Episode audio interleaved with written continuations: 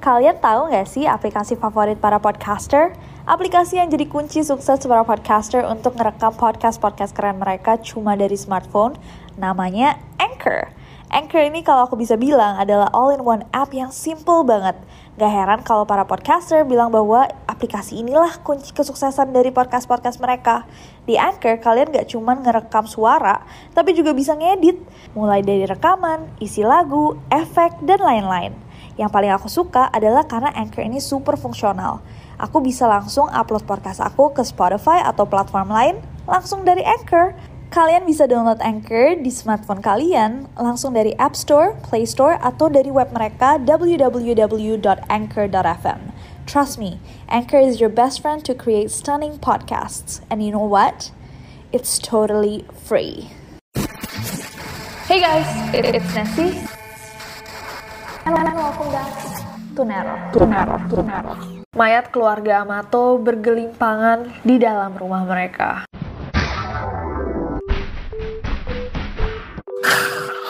Hey guys, it's Nessie and welcome back to Neror. Hari ini kita akan membahas satu kasus true crime yang lumayan puh, pada awal 2019, kota Florida di Amerika Serikat tuh digemparkan sama satu kasus pembunuhan yang sangat-sangat sadis. Saat polisi setempat mendapatkan telepon yang minta mereka untuk datang dan mengecek kediaman keluarga Amato. Datanglah polisi ke rumah keluarga Amato dan ketika diketok-ketok kok nggak ada yang buka. Tak lama kemudian polisi harus mendobrak pintu rumahnya dan ketika mereka masuk, mereka menemukan pemandangan yang sangat mengerikan. Terdapat mayat-mayat di ruangan yang berbeda-beda, tersungkur, bersimbah darah. Pelaku dari pembunuhan keji ini tak lain dan tak bukan adalah salah satu anggota keluarga Amato sendiri yang kecanduan pornografi internet. Malam ini di Neror kita akan membahas kasus mengerikan kematian keluarga Amato. So without any further ado, stop senyum-senyum, cause shit's about to go. Ini kasus gila banget guys, salah satu kasus yang bikin kita gak habis pikir gitu. Sesuatu yang kayak gini bisa terjadi di kehidupan nyata. So, keluarga Amato ini adalah keluarga perawat asal Florida yang bisa dibilang lumayan berkecukupan. Ayahnya Chad Amato ini adalah seorang perawat dan istrinya Margaret itu ibu rumah tangga. Berdua mereka ini dikaruniai tiga orang anak, Jason, Cody, sama Grant. Tapi Jason ini diadopsi ya, ay. Ya dia diadopsi umur 3 tahun, sedangkan yang dua si Cody sama Grant ini anak biologis mereka. Ketiga anak ini tuh dibesarkan dengan kondisi finansial yang cukup banget. Mereka punya rumah yang besar, beberapa mobil, gaming computers, bahkan seekor kuda. Nah, tapi ketiga anak ini itu memiliki kepribadian dan juga nasib yang berbeda-beda. Anak yang pertama si Jason ini setelah dia berusia 19 tahun tuh dia udah mau keluar dari rumah, pingin memiliki karir sendiri, mau memiliki kehidupannya sendiri. Akhirnya Jason cabut dari rumah orang tuanya, tapi dia tetap sering datang untuk ketemu sama keluarganya, khususnya pas musim-musim liburan. Nah, sejak Jason cabut, Cody sama Grant jadi lebih deket. Apalagi umurnya Cody sama Grant itu kan cuma beda setahun. Jadi mereka bisa nongkrong bareng, bisa olahraga bareng, main video video game bareng, bahkan latihan menembak bareng juga. Nah, sejak kecil, si bungsu Grant itu emang punya ketertarikan sama airsoft gun, bahkan dia sama Cody juga sempat masuk ke dalam sebuah tim kompetitif airsoft guns gitu. Nah, gede-gede mereka juga mulai berlatih menembak dengan senjata beneran. I know it sounds weird, karena kayaknya berburu di Asia Tenggara tuh bukan sesuatu yang kayak umum gitu tapi kayak di Amerika masih banyak banget orang yang suka senjata berburu dan sebagainya kayak gitu. Jadi sebenarnya kalau mereka punya hobi menembak itu bukan sesuatu yang alarming gitu at least di Amerika. Nah tapi beda nih sama Cody yang punya banyak teman. Grant si bungsu ini sedikit sulit untuk membuat friendship pertemanan. Grant lebih sering cuman hangout sama Cody bahkan ngikut sama teman-temannya Cody. Dia nggak punya friend group sendiri. Anyway si tengah sama si bungsu ini dua-duanya tuh pingin jadi perawat kayak ayahnya mereka Kita tadi aku bilang, nasibnya mereka tuh sangat berbeda satu sama lain. Cody lulus dan menjadi perawat yang sangat-sangat baik. Dia memiliki kerjaan yang stable, orangnya juga disukai di tempat kerjanya. Sedangkan Grant, si bungsu ini adalah sang troublemaker of the family gitu. Sang pembuat onar di keluarga ini. Tapi tetap si bungsu Grant ini tetap sekolah. Setelah lulus SMA, dia masuk ke UCF, University of Central Florida, dan lulus pada tahun 2011 dengan gelar keperawatan. Abis lulus dia sempat kerja di Orlando Regional Medical Center sebagai perawat dan ditempatkan di ICU. Pada 2014, dia resign dari tempat yang pertama dan dia pindah ke Florida Orlando Hospital. Sayangnya pada tahun 2018, setelah 4 tahun bekerja, dia dipecat oleh pekerjaannya ini. Kenapa dipecat? Ternyata selama ini dia mulai mencuri obat-obatan bius dari rumah sakitnya. Bahkan ada beberapa media yang melaporkan bahwa dia menggunakan obat-obat bius ini untuk menenangkan pasien-pasien yang bawel gitu. Jadi kayak kalau dia dimarahin, kalau dia diminta sesuatu, sama dia dibius. But anyways, dia masih untung banget dia nggak dipenjarakan, dia cuma dipecat aja. Mestinya dia dipenjarain nih pada poin ini. Udah, nggak ketemu nih sama Sylvie. Nah di poin ini, akhirnya dia karena nggak bekerja, dia di rumah terus kan. Mulai nggak bener, bukannya dia mencari kerjaan, mungkin nggak segampang itu juga untuk mencari kerjaan. Tapi selama dia tidak memiliki pekerjaan ini, dia menghabiskan kebanyakan dari waktunya online, main Fortnite. Orang tuanya yang setiap hari cuma ngelihat Grant tidur, makan, main Fortnite, online seharian. Jadi lumayan frustrasi dan bilang kayak, hey kamu kapan nih kerja lagi? Karena selama Grant tinggal di rumahnya ini, dia mendapatkan uang dari orang tuanya dan tidak berkontribusi untuk keluarganya. Dan seperti aku bilang tadi, dia tuh cuma makan, tidur, sama online. Dan selama dia pengangguran ini, akhirnya dia ketemu sama satu website yang bernama myfreecam.com. Nah website ini adalah website cam girls. Kalau misalkan kalian nggak tahu cam girls apa, itu basically cewek-cewek yang kayak online streaming dan banyak cowok-cowok yang nonton gitu. Mereka bisa chat live gitu dan juga bisa ngirimin hadiah-hadiah melalui websitenya. Nah cewek-cewek yang ada di website Camgirl ini itu banyak banget dari berbagai belahan dunia. Ketemulah Grant sama seorang cewek Bulgaria bernama Sylvie. Grant jatuh cinta sama Sylvie karena dia merasa bahwa Sylvie ini cantik, cerdas, dan membuat dia merasa spesial jelas karena dia dibayar. Grant rela untuk terus balik ke website ini untuk ngelihat Sylvie doang. Dia bahkan bisa menonton Sylvie ini berjam-jam. Dan yang lebih parahnya dia sudah merasa bahwa dia ini memiliki intimate relationship sama Sylvie. Nah karena yang nonton Sylvie ini nggak cuma satu orang, kan banyak orang lainnya. Dia merasa dia harus compete, dia harus berkompetisi sama cowok-cowok lainnya yang merayu Sylvie dengan uang mereka. Jadi si Grant cerita bahwa dia ini adalah seorang professional gamer. Dia sangat sukses, punya mobil BMW, dan tinggal di apartemen pribadinya. Token yang dijual juga lumayan mahal ternyata. Mungkin karena Sylvie cantik dan banyak orang yang suka. Satu token itu berharga 12 sen. Dan untuk ngomong dan nonton Sylvie, harganya itu sekitar 90 token per menitnya. Jadi satu jam itu bisa sekitar 5.400 token atau sekitar 8 juta rupiah. So yes, basically Grant tuh bisa ngehabisin sampai 4 jam per hari ngomong atau ngeliat Sylvie. That's a lot of money dan bahkan selama dia tahu Sylvie ini dia ngeluarin sampai 200 ribu dolar atau sekitar 2,8 miliar rupiah. Ugh. Nah pertama-tama dia cuma minjem atau minta sama orang tuanya atau sama kakaknya Cody. Nah setiap ditanya buat apa, dia selalu bilang bahwa oh iya aku kan lagi memulai karir aku sebagai Twitch streamer dan aku tuh butuh investasi gitulah untuk promosi, iklan dan sebagainya. Dan orang tuanya sama kakaknya tuh selalu support dia. Bayangin, dimodalin sebanyak itu. Tapi ketika alasannya ini udah mulai nggak masuk akal, dia memilih untuk nyuri dari kredit cardnya kakaknya dan papanya. At some point dia bahkan menggadaikan sertifikat rumahnya untuk mendapatkan pinjaman berapa puluh ribu dolar lagi biar dia tetap bisa ngomong sama Sylvie. Eh hey guys, aku mau sedikit sharing sih seputar aplikasi keren yang aku gunain buat bikin podcast ini. Aplikasi ini tuh bisa di-download di App Store atau di Play Store, and it's totally free. Gak cuma buat ngerekam aja, Anchor juga bisa buat ngedit langsung rekaman kalian. Kita bisa langsung nambahin back sound, effects, tambah lagu, bahkan Anchor juga bisa mendistribusikan podcast kita ke berbagai platform lainnya. Kayak aku nih, biasanya aku langsung upload podcast aku ke Spotify langsung dari Anchor. Jadi di mana pun aku berada, aku bisa buat podcast aku kapan pun dan di mana pun aku mau. Karena dia super gampang, aku jadi suka banget nih sama Anchor ini.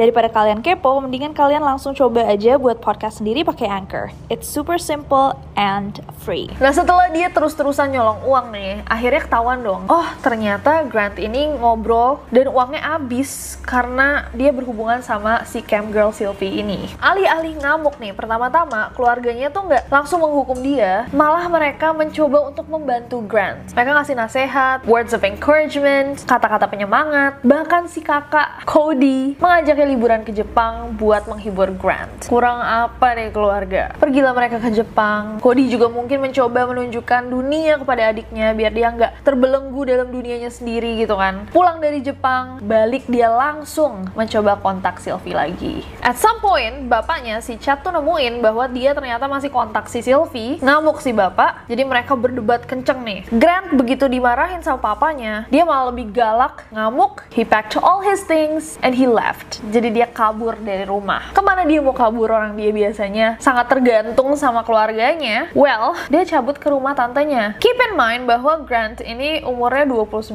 tahun ya guys. Dia pindah ke rumah tantenya, Tante Donna. Nah si Tante Donna ini begitu dia datang ya nggak bisa bilang kayak, eh pergi-pergi gitu kan, itu ponakannya sendiri. Akhirnya dia tinggal sama Tante Donna. Tante Donna cerita bahwa selama Grant ada di rumahnya, yang dia lakukan cuma makan, tidur, sama dia bangun semalaman di depan komputer. Karena dia udah diblok dari kartu kreditnya papa sama kakaknya, Grant akhirnya mulai mencuri lagi dari tantenya, sepupu-sepupunya, bahkan neneknya sendiri. Dan itu jumlahnya puluhan ribu dolar. Nah ketika Tante Donna mengetahui hal ini, dia ngamuk banget. Gak segan-segan Tante Donna ini bilang bahwa dia akan lapor polisi dan memenjarakan Grant. Tapi Tante Donna cerita bahwa dia ditelepon sama papanya Grant, Chad, dan Chad ini nangis-nangis di telepon bilang bahwa tolong anak saya jangan dimasukin penjara, jangan dituntut, saya janji akan bayar semua hutangnya dia. Si papa, Chad, yang mestinya udah pensiun akhirnya harus bekerja di dua perusahaan untuk mencoba menyicil hutang-hutangnya Grant. Saat dia kembali ke rumahnya, Grant ini tetap aja mencoba mengontak Sylvie dan kecanduannya tuh nggak membaik sama sekali. Akhirnya, keluarga Amato memutuskan untuk mengirimnya ke pusat rehabilitasi. Biaya rehabnya sendiri tuh nggak murah, 15 ribu dolar, sekitar 200 jutaan, itu dibayarin sama si kakak Cody. Cody. Dan udah dibayarin gitu, Grant malah kabur dari rehab. Dia nggak nyelesain programnya. The moment, detik dia keluar dari rehab, dia langsung mencoba untuk mengontak Sylvie lagi. Pada saat inilah, bapaknya si Chad udah ngamuk banget. Dia udah nggak habis pikir, dia udah mencoba segalanya. Anaknya bener-bener tidak bisa diatur, tidak mau nurut, tidak bisa dibilangin, dan tidak bersikap normal gitu. Di tengah kemurkaannya, dia mengusir Grant dari rumahnya. Grant masukin barang-barangnya dalam tas, dia keluar dari pintu dan kabur. Setelah Grant pergi, udah nggak ada cerita perdebatan lagi antara keluarga Amato dan si bungsu Grant. Sampai tanggal 25 Januari tahun 2019, polisi setempat tiba-tiba dapat telepon dari beberapa teman kantornya Cody. Mereka meminta polisi untuk datang ke rumah keluarga Amato untuk mengecek keadaan mereka. Karena si Cody ini udah berhari-hari nggak masuk kerja tanpa mengontak atau memberikan alasan. Dan hal itu membuat teman-temannya Cody ini concerned. Mereka khawatir banget. Di hari yang sama, polisi langsung datang untuk mengecek keadaan keluarga Amato. Pas polisi datang, kayak aku ceritain di awal, mereka sudah mencoba mengetok-ngetok, memanggil nama, berteriak, dan sebagainya, tapi sama sekali nggak ada yang menyaut atau membukakan pintu. Akhirnya polisi terpaksa mendobrak pintu rumahnya. Dan saat pintu terbuka, terlihat pemandangan yang sangat-sangat mengerikan. Mayat keluarga Amato bergelimpangan di dalam rumah mereka. Mayat si ayah, Chad Amato, ditemukan di ruang tamu, lalu mayat si ibu, Margaret, ditemukan bersimbah darah di dalam kamarnya, dan mayat si kakak, Cody ditemukan di dalam garasi mereka, masih mengenakan baju seragam perawatnya yang warnanya berubah menjadi merah kecoklatan. Ketiganya ditemukan meninggal dengan cara yang sama, yaitu ditembak dari jarak dekat. Polisi langsung menjadikan Grant tersangka utama dan dia langsung dibekuk di hotel yang sedang ditinggalinya. Grant melalui proses interogasi yang cukup lama dan melalui semua itu dia bersikukuh bahwa dia tidak bersalah. Bahkan dalam ruangan interogasi, dia masih bisa beberapa kali kayak bikin jokes, dia cerita tentang si Sylvie, dia bilang bahwa dia ngeluarin lebih dari 200 ribu dolar, dia bahkan sempat bilang bahwa mungkin dia bisa sih sukses jadi streamer Twitch karena dia punya pribadi yang menarik dan lucu atau apa gitu. Pada saat itu polisi juga udah yakin bahwa dia adalah pelakunya walaupun dia bilang saya nggak tahu apa-apa, saya nggak tahu apa apa-apa. Karena juga nggak logis sih. Anak dibilangin bahwa keluarganya yang sayang sama dia tiga-tiganya dibunuh dan dia masih bisa berpura-pura atau setenang itu di dalam ruang interogasi. Bahkan Jason kakak yang satu lagi juga sempat datang ke ruangan interogasi. Dan menariknya polisi menemukan secari kertas di dalam mobilnya Grant yang ditulis seakan itu adalah surat dari Cody yang bilang bahwa dia akan membunuh orang tuanya. Karena orang tuanya nggak setuju kalau Grant sama Sylvie masih berhubungan. Jadi si Cody akan membunuh orang tuanya biar Grant tidak lagi dikekang dan dia akan membunuh dirinya sendiri. Tapi emang si bodoh ini gak riset dikit apa gimana gitu. Masa tulisan di surat itu yang cerita dari Cody itu persis sama sama tulisannya dia sendiri, bukan sama gaya tulisannya Cody. But anyways, akhirnya dia mengaku bahwa dia yang membunuh keluarganya dan dia dijatuhi hukuman penjara seumur hidup tanpa parol. Nah, aku tahu kebanyakan dari kalian sama-sama aku berpikir hal yang sama kayak, hah, gak masuk akal banget. Ada manusia yang tega melakukan itu ke keluarganya sendiri, keluarga yang support dia, keluarga yang sayang dia, hanya untuk mendapatkan konsumsi pornografi dari seorang cewek di Bulgaria yang dia tidak pernah temui bahkan. Atau nggak sampai pembunuhannya kebanyakan dari kalian bakal mikir, ngapain lebih dari 3M dia keluarin buat cewek online yang nggak peduli bahkan kalau dia hidup atau mati. Well, cara kita berpikir itu berbeda sekali sama Grant dan orang-orang semacam dia, apalagi yang jatuhnya sudah kecanduan. Addiction to pornography atau kecanduan pornografi. Itu adalah salah satu masalah serius yang sering banget dianggap sepele sama kebanyakan orang. Bahkan banyak banget yang merasa kayak itu normal banget buat dikonsumsi, apalagi untuk laki-laki. Gak ada yang menanyakan sebahaya apa ketika cowok-cowok atau cewek, I don't care. Orang-orang muda tukeran kayak file atau bahkan ada yang punya hard disk. Satu hard disk isi pornografi yang bisa dibarter. Walaupun jelas itu adalah sesuatu yang bisa mengakibatkan kecanduan. Yap, kecanduan pornografi adalah masalah besar yang bisa sangat-sangat fatal. Bahkan kalau kalian ingat Ted Bundy, salah satu pembunuh berantai paling kejam, itu mengatakan di interview terakhirnya, sehari sebelum dia dieksekusi mati, bahwa semua pembunuh dan pembunuh berantai yang dia temui di penjara, semuanya memiliki keterlibatan dengan kecanduan pornografi. I've lived in prison for a long time now. And I've met a lot of men who were motivated to commit violence just like me. And without exception, every one of them was deeply involved in pornography without question, without exception. Salah satu studi yang dilakukan oleh FBI juga menunjukkan bahwa 81% pembunuh berantai yang disurvei mencantumkan pornografi sebagai minat seksual utama mereka. Kalaupun kalian tidak mempunyai tendensi untuk agresif dan sebagainya, sudah dibuktikan juga bahwa pornografi membuat banyak orang memiliki ekspektasi yang tidak realistis dan akhirnya membuat mereka tidak bisa memiliki hubungan yang organik atau sehat dengan partner hidupnya. So I said what I said. Take it if you want or not. Dan kalau kalian belum pernah coba riset atau baca-baca, coba cari malam ini apa sih efek-efek buruknya. Dan setelah itu kalian putuskan sendiri. Hampir semua viewers aku adalah orang dewasa dan aku harap kalian bisa membuat keputusan yang bijak. Sekarang aku mau tanya sama kalian, gimana menurut kalian kasus yang satu ini? In the past aku juga sering bilang bahwa manusia tuh serem banget. Kalau kayak singa, kalian sayang-sayang atau buaya, kalian sayang-sayang tiba-tiba gigit kaki kalian hilang sebelah tuh aku masih maklumin gitu. Animal instinct kan. Cuma kayak manusia digedein, disayang, Addiction is so scary. Gimana menurut kalian? Coba komen di bawah. Apakah kalian pernah dengar kasus serupa atau kasus yang bahkan lebih seram lagi? Coba komen di bawah juga. Dan aku mau tahu apa yang kalian pelajari dari kasus yang satu ini. Dan komen di bawah as always ide-ide buat video-video neror selanjutnya yang gak kalah seru sama kasus malam ini. Semoga kalian suka video malam ini cause I love it. Cause this case is so like Tapi kalau misalkan kalian suka videonya, klik like-nya, follow aku di Instagram dan Twitter gampang banget. Nesi Jaja dan subscribe ke channel ini juga nyalain notification-nya. Biar kalian tahu kalau misalkan aku upload video baru yang gak kalah seru. Nyalain notification-nya, subscribe, karena aku gak sabar buat ketemu kalian lagi. Bye-bye!